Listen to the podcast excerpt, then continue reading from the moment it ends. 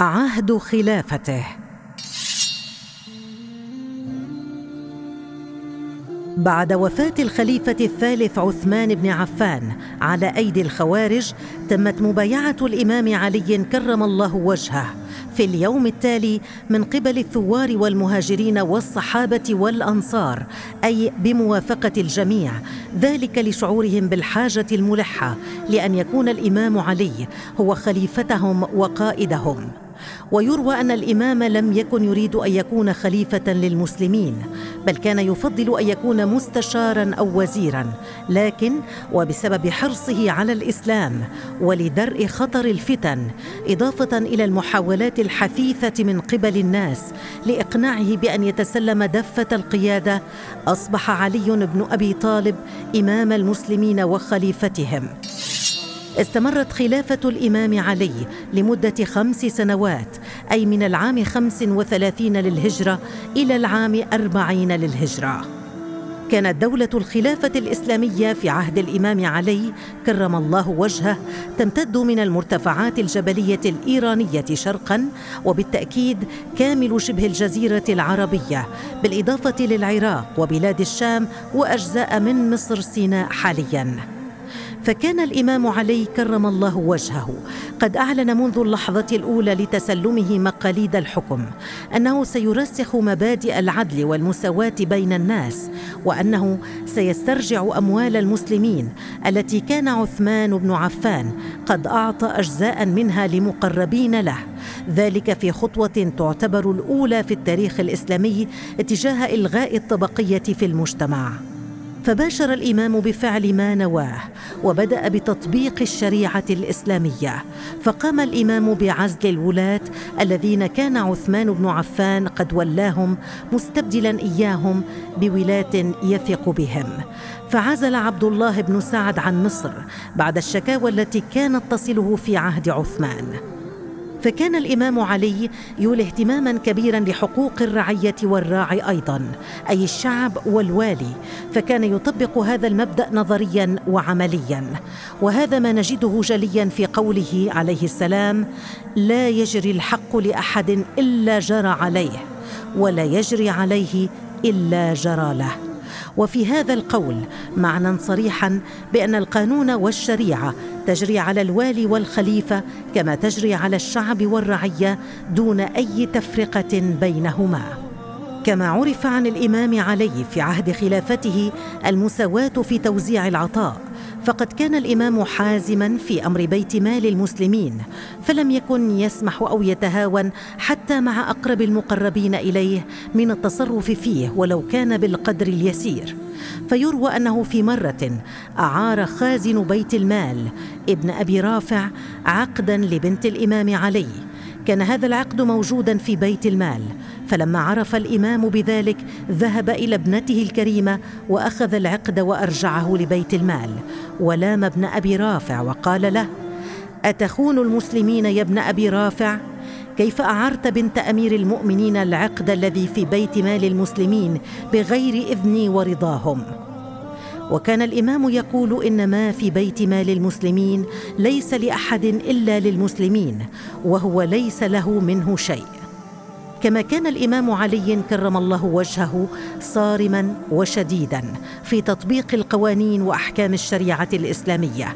كما كان عدله يفيض أرجاء الدولة لكنه كان يرفض أن يتم الثناء عليه أو أن يمدحه الناس وكان يحذر من تفشي هذا الأسلوب بين الحكام والرعية لما فيه من شبهات وغرور فكان يقول أنه خادم للمسلمين وليس بملك عليهم وإنما عمله فهو ليأمر بأمر الله ورسوله ويعدل بالناس. في تواضع بدا جليا واضحا في جميع تصرفاته فلم يميز نفسه في شيء عن أي فرد في الدولة كلها.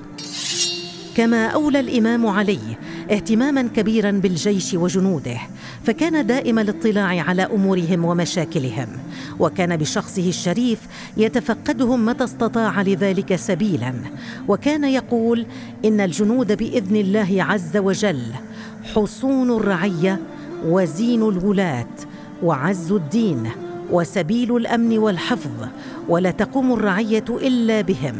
كما كان الإمام علي يؤكد على العلاقة الوطيدة بين الشعب والجيش وكان يرى أن دعم الشعب والرعية للجيش هو أساس في بناء الدول واستقرارها.